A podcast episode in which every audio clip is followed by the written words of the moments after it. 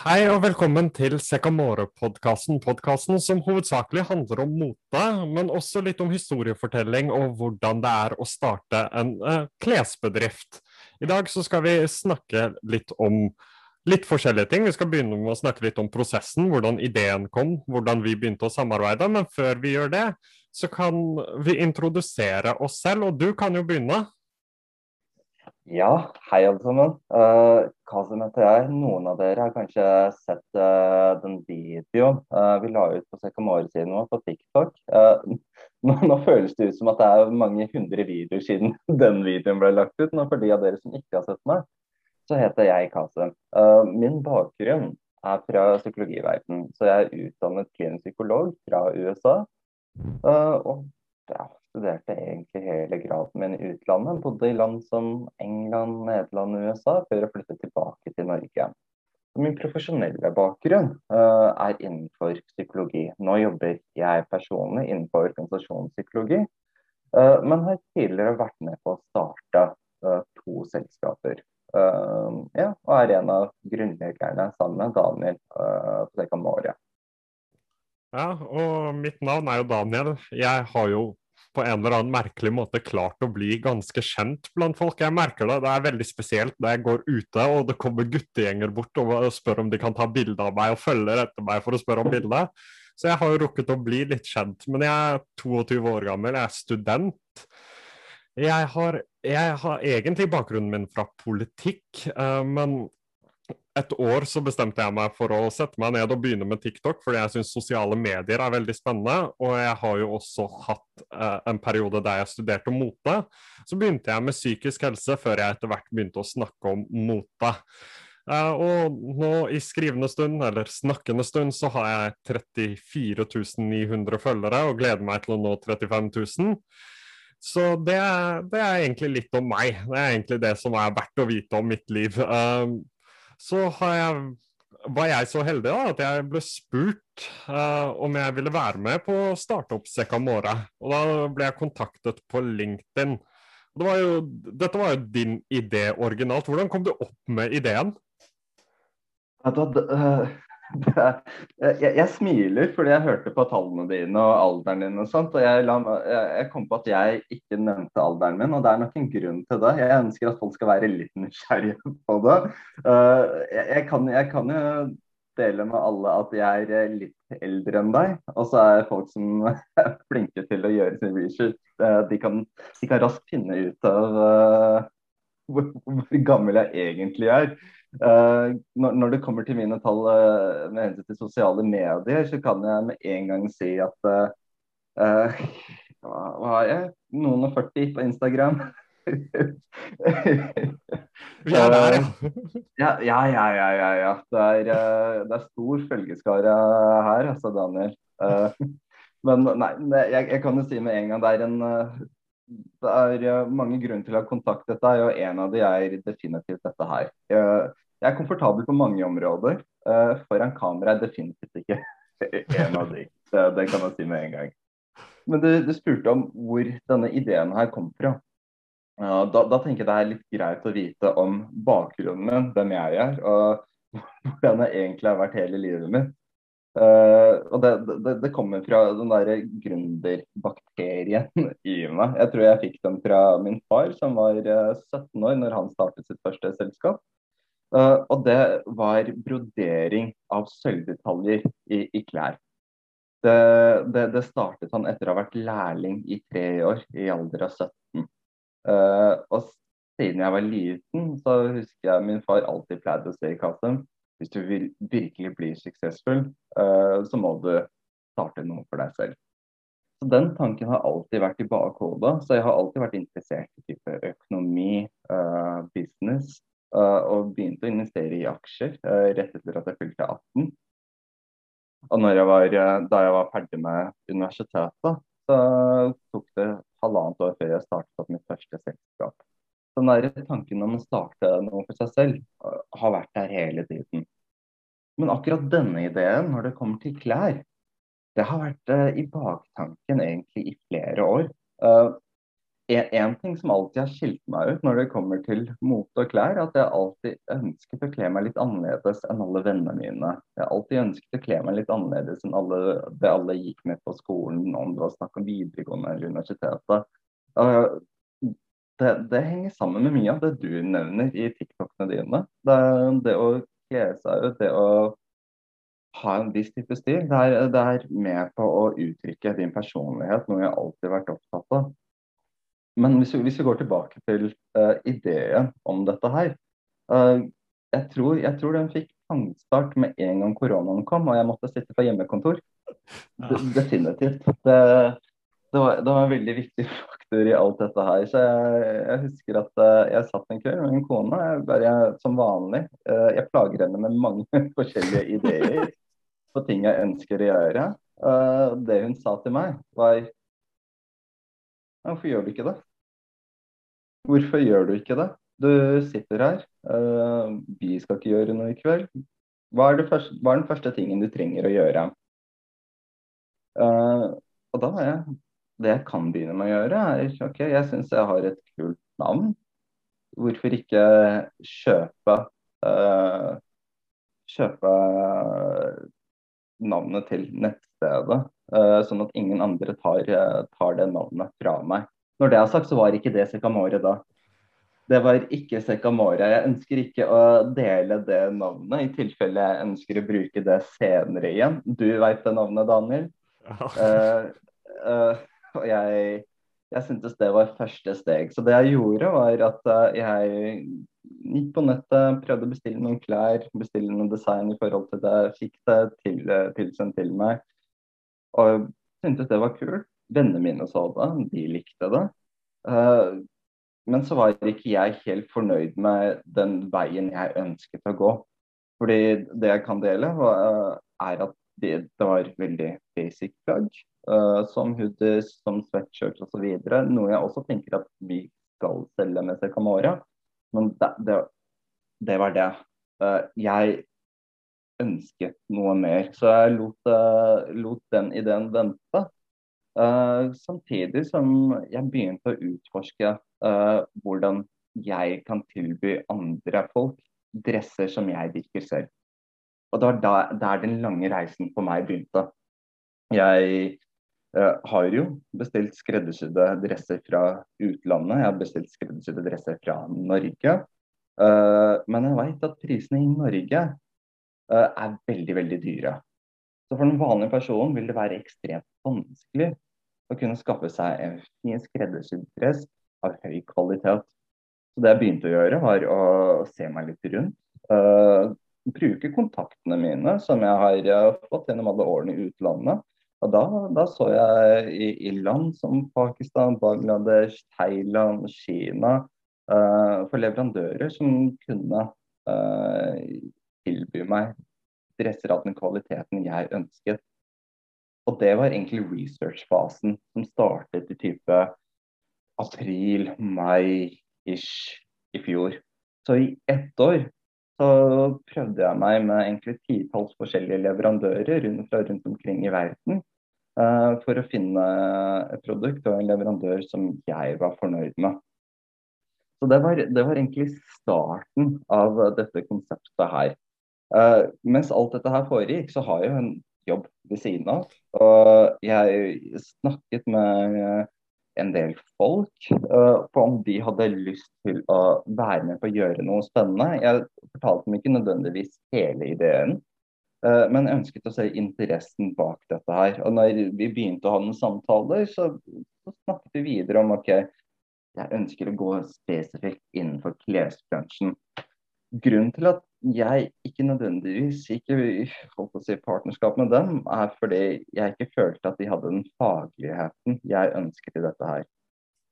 Én ting er at uh, vi kan sikkert heipe opp dette her som bare det, uh, og klare å selge ting første gangen, men folk vil ikke nødvendigvis komme tilbake uh, for det. Det folk kommer tilbake for, er tillit. At de har tillit til hvem du er, og hva du tilbyr. Det følte jeg ikke med noen andre. Men det er flere ting som henger sammen med denne koronasituasjonen. Fordi korona var grunnen til at jeg lastet ned TikTok. I, i, jeg tror jeg lastet ned TikTok i mai i fjor. Uh, og det var rett og slett fordi jeg ønsket å plage niesene og nevøene mine med å uh, legge ut uh, en flau TikTok. Jeg har tatt det bort sånn at ingen kan se det. Men det, det, det, det, er noe av det jeg føler rollen min som en ordentlig lær. Så jeg la ut et par TikTok med niesene mine. men så har jeg egentlig ikke tid til det. jeg syntes det var vanskelig å ta ut tid og lage noe morsomt content. Så holdt meg tilbake til og endte opp med å scrolle TikTok som de fleste andre gjør. Og der så jeg deg, da. Uh, jeg, så noen, uh, jeg, så at du begynte å snakke om uh, psykisk helse. Og som, som, en person som har bakgrunn innenfor psykologi, så tenker jeg alltid at det er veldig positivt at folk tar opp temaet. Og så er det alltid bitte litt varsom på at OK, det er viktig at folk ikke snakker om ting de ikke nødvendigvis klarer å gi råd om. Uh, men jeg begynte å se noen av TikTokene dine, og mye av det du snakket om, handlet om at uh, handlet om å gi uh, temaet oppmerksomhet. Så jeg begynte å se litt på det. og så Etter hvert uh, gikk jeg litt bort fra det. Jeg tror ikke du kom på for you-pagen min på dritlang tid. Og så begynte det å komme TikToks om mote fra deg. og jeg sa at én, du vokste veldig raskt. Men for å være ærlig så var det ikke nødvendigvis det som imponerte meg aller mest. Det jeg pleier å se på, er folk som jobber hardere enn meg. Folk som jobber mer enn meg. Og jeg så at du la ut ekstremt mange videoer i løpet av én dag. Liksom, folk kan si mye, og det er ett minutts videoer, det tar ikke så lang tid. Gjør det selv, da. Gjør det selv hvis det ikke tar så lang tid. Det er fremdeles en dedication bak det, å gidde å faktisk gjøre det. Uh, og etter å ha sett på videoene dine sin etter nyttårsskiftet, så var jeg så seriøst ok, jeg trenger å få dette her startet til folk skal tilbake på kontorene sine. Uh, og da tenkte jeg OK, uh, la oss være litt profesjonelle. Jeg bruker linken din i hverdagen i mye større grad enn det jeg bruker TikTok. Jeg så at du hadde linken din, uh, la det til. Jeg så at uh, du godtok det, og så sendte jeg den meldingen uh, som jeg gjorde. Når du ikke svarte på én uke, tenkte jeg ok, han er ikke interessert i dette her. La oss, la oss gå videre. Jeg, jeg, hadde uansett startet dette her selv, men jeg så verdien i å ha deg med på dette prosjektet, for du tar med det jeg savnet tidligere, som var den der fagligheten. Den, eh, den informasjonen folk lengter etter, sånn at man kan faktisk komme frem som en trygg leverandør av klær, fordi man veit hva man snakker om. Nei, jeg, ble veldig glad når du svarte. Uh, og så er jo resten historie. Vi hadde samtaler frem og tilbake. Det jeg var veldig obs på, som du også husker, Dani, var at du skulle tenke deg godt om før du ble med på dette her. Uh, jeg var eh, kjent med at du hadde starta opp noe for deg selv, men det å gå inn i såpass stort prosjekt, det er krevende.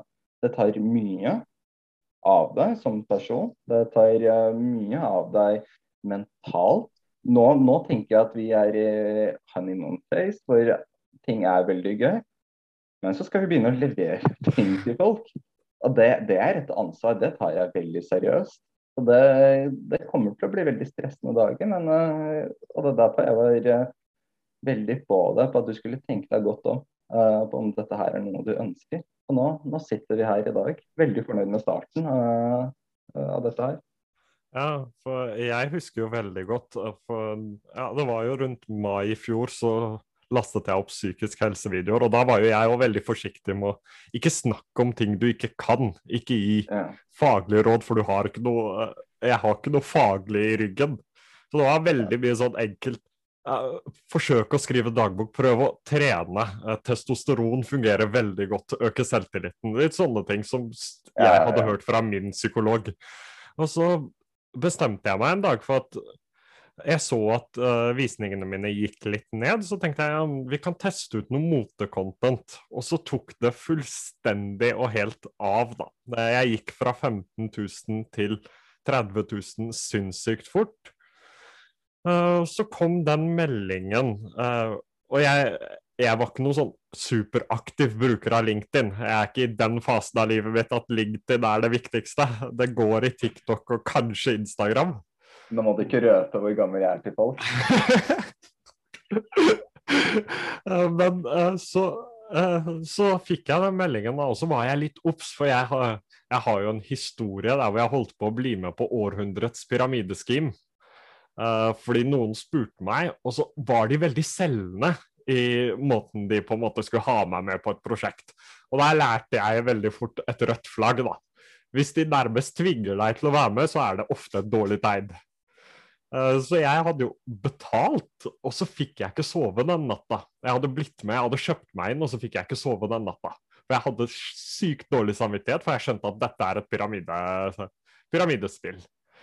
Så Eh, etter hvert den natta satt oppe, gikk rundt i ring, og så bestemte jeg meg for å sende melding og bare droppe ut av hele greia. Jeg fikk igjen halvparten av pengene mine, men mista halvparten. Og da, da, lærte jeg liksom en veldig viktig leksjon om at man skal være forsiktig når man går inn i prosjekter. Uh, og så brukte jeg tid på å tenke meg om, og det jeg tenkte mest på, var jo at jeg visste at dette kom til å ta tid, og dette kom til å koste krefter.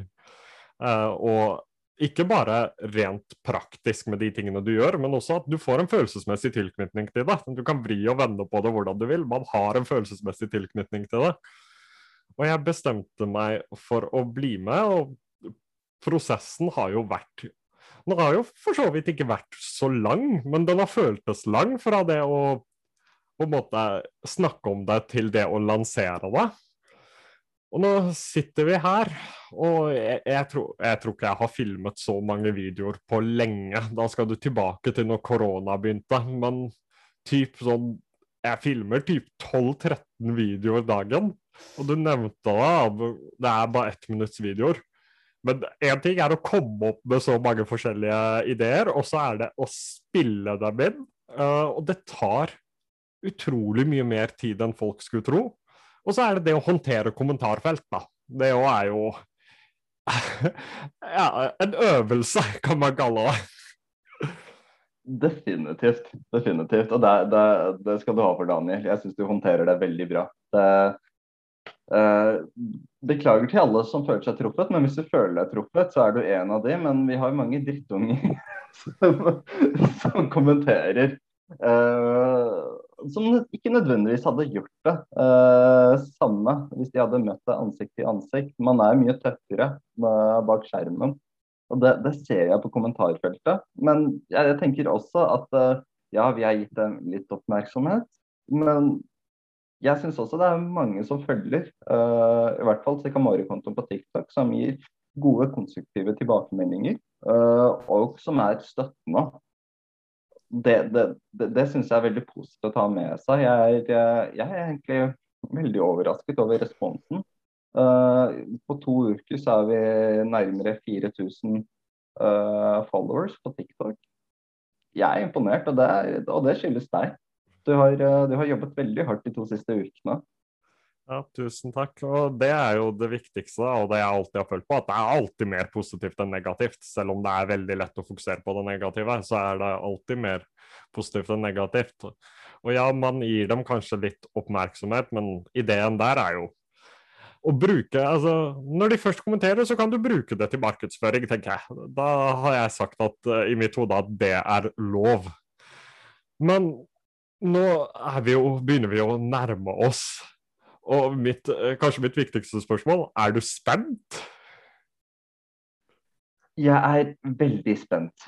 Uh, og det, det, skyldes ene og alene at uh, jeg ønsker å levere det produktet jeg selv hadde likt å gå med. Uh, alle vennene mine kjenner, kjenner igjen meg når jeg snakker om kvalitet. Kvalitet er noe jeg alltid har hatt fokus på når det kommer til klær og klesplagg. Og igjen, jeg tror har, jeg har det fra pappaen min, som alltid kjente på klærne før han kjøpte. Jeg skjønte aldri hvorfor han gjorde det. Men uh, i, en, uh, ja, i, en, eldre alder så, så, har jeg lært meg å forstå på kvalitetsforskjellene uh, på plagg. Og det, og det, er store forskjeller der. Så mye av det jeg har jobbet med i bakgrunnen, eh, der sant, folk ikke ser meg på TikTok, er å ha prøvd å lære meg så mye som mulig om hva, hva er bra kvalitet. Hva er det som skiller de pre, premiumproduktene fra standardproduktene? Hvorfor, uh, hvorfor kan de dyre merkene ta så mye mer på klesplaggene sine sammenlignet med type HM osv.? Noen av de svarene er ganske enkle. ikke sant? De Eh, masseproduserer, som, eh, som reduserer kostnadene. Men det er også forskjell på, forskjell på, plagg og kvalitet og ting som du nevnte i den ene videoen. Liksom, tykkelsen på bomull, men også hvordan bomullen er vevd. Uh, vi kan ha brodering, men hvilken teknikk har du brukt på broderingen. Så alle disse tingene her har jeg prøvd å lære meg uh, i bakgrunnen. Og jeg er veldig spent på å få inn eksemplarene vi har bestilt. Uh, men mer enn det så er jeg veldig spent på mottakelsen. Jeg respekterer alle som sant, en gang kommer til å bruke penger på, på, oss, og da føler jeg et ansvar for å levere dem et produkt som de føler er verdt de pengene. Sant, da kommer vi tilbake til den der tillitsbiten. Vi kan sikkert heipe dette her opp skikkelig og klare å selge ting én gang, men jeg ønsker at de skal ha den tilliten til oss og se på Secamore som et premiummerke. Uh, sånn vi kan selge ting igjen til dem. Og de føler OK. Jeg, jeg husker veldig godt pappaen min uh, likte uh, å kjøpe sko fra Ekko. Og jeg personlig syns Ekko-skoene har uh, fått dårlig kvalitet de siste årene, men han forbindet Ekko med kvalitet hele tiden. Og han gikk alltid tilbake til Ekko hver gang han skulle kjøpe sko. Det er litt av det jeg ønsker med Secamore, og er liksom litt av motivasjonen min for dette her, da. Ja, og der er vi jo på uh, lik linje. da. Jeg tenker, min, min, hovedregel når jeg skal selge noe, har alltid vært jeg selger aldri noe jeg selv ikke ville gått i. Det mm. skal være noe av kvalitet som varer deg en stund. Uh, mm. det, er, det, er, på en måte en grunn til at jeg ikke velger de fast fashion-brandsa. Det er ikke nødvendigvis fordi klærne er stygge, men det er fordi jeg vet at etter én eller to vasker så passer den ikke. Um, så men du snakket jo litt om uh, hva du gjør i bakgrunnen, for du er jo sånn bakgrunnsmenneske. Det, det, ser ut som jeg har blitt frontperson, og så har du blitt bakgrunnsmenneske uten at det var fullstendig planlagt. Men hva, fortell litt mer om hva du gjør, da. Ikke nødvendigvis til meg, men til alle som hører på. Jeg har jo fått med meg hva du gjør. Det er, eh, jeg, jobber, jeg, jobber, med en del ting som må til for at uh, jeg vil si at produktene kommer frem. Så jeg tenker hvor du er markeds, uh, markedsføringsansvarlig, så er mer type produktansvarlig. Uh, jeg har mye mer produktansvar, hvor jeg driver og ser på hva er det vi kan tilby våre fremtidige kunder. Jeg driver og ser på kvaliteten vi ønsker å ha. Og så driver jeg med forhandlinger når det kommer til leverandører. Uh, og Der, eh, der uh, sprer jeg meg litt, og egentlig over hele verden. Jeg prøver å snakke med leverandører fra alt fra Tyrkia, Thailand, Kina osv.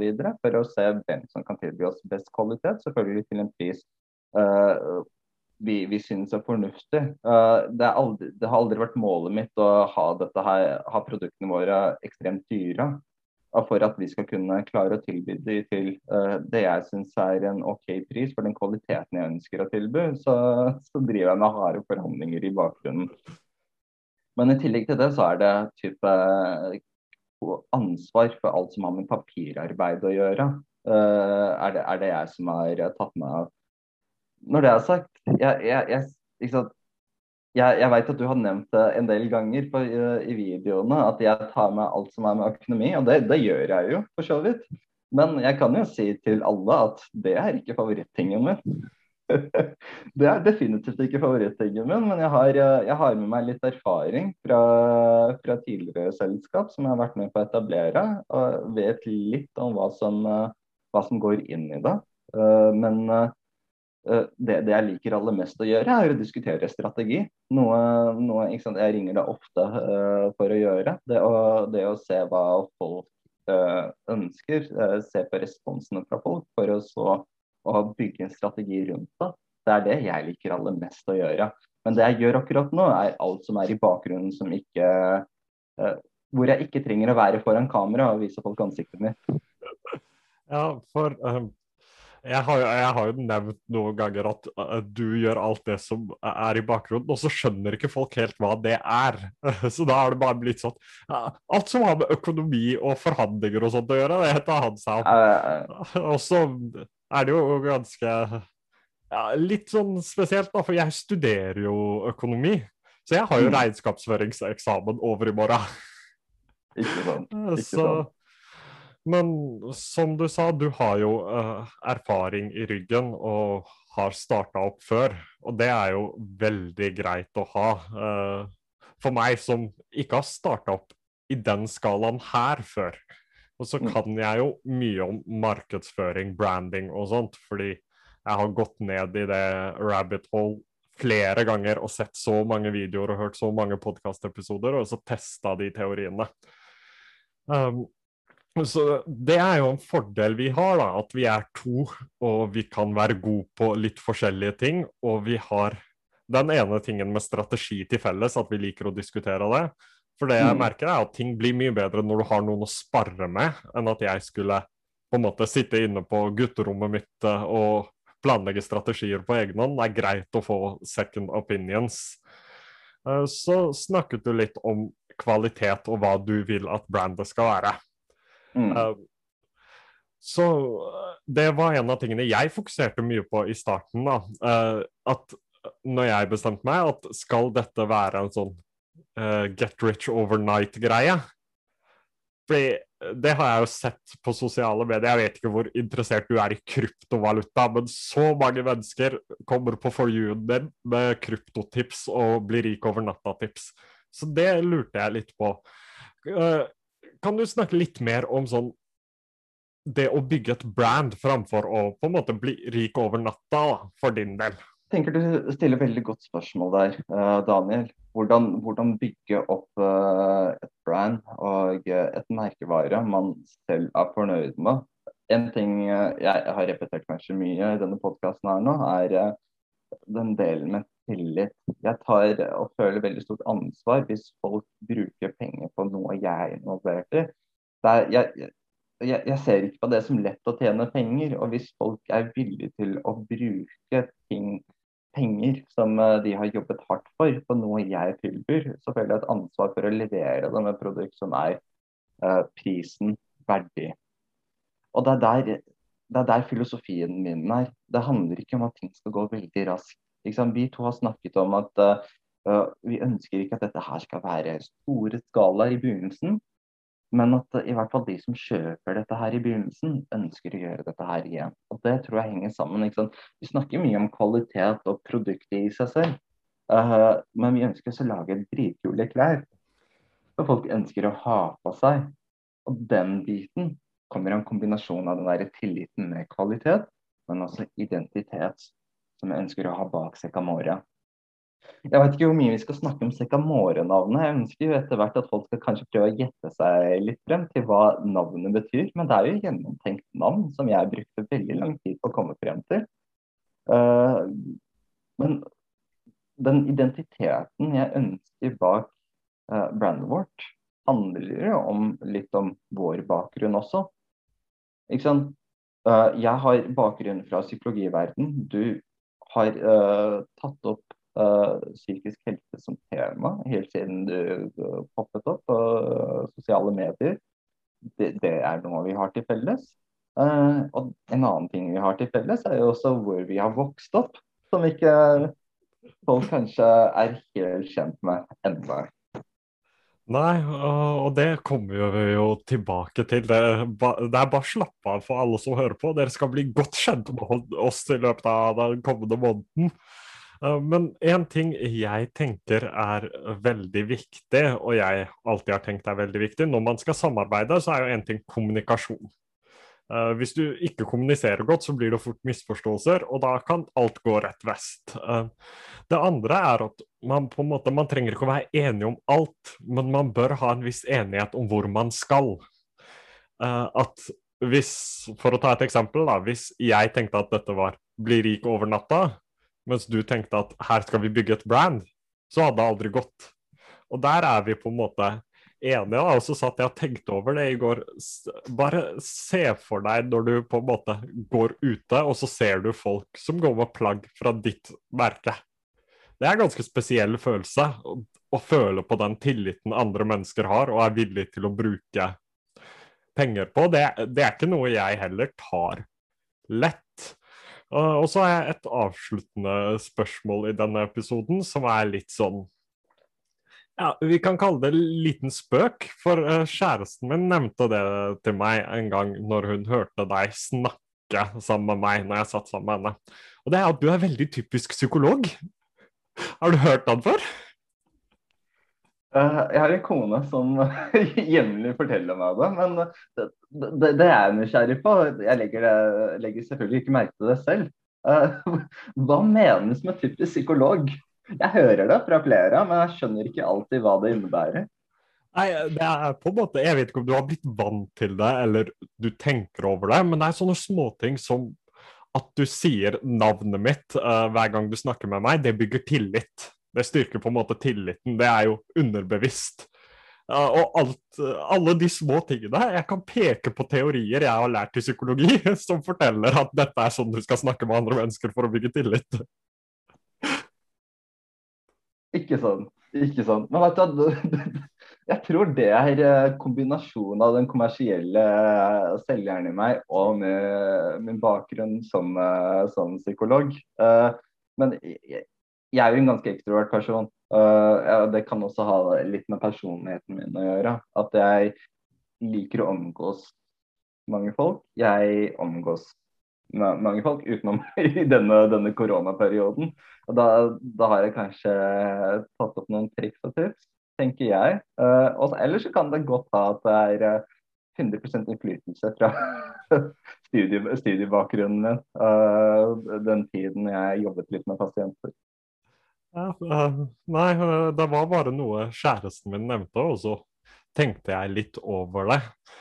Men det var i hvert fall dagens episode av Sekamore-podkasten. Tusen takk til alle som hørte på.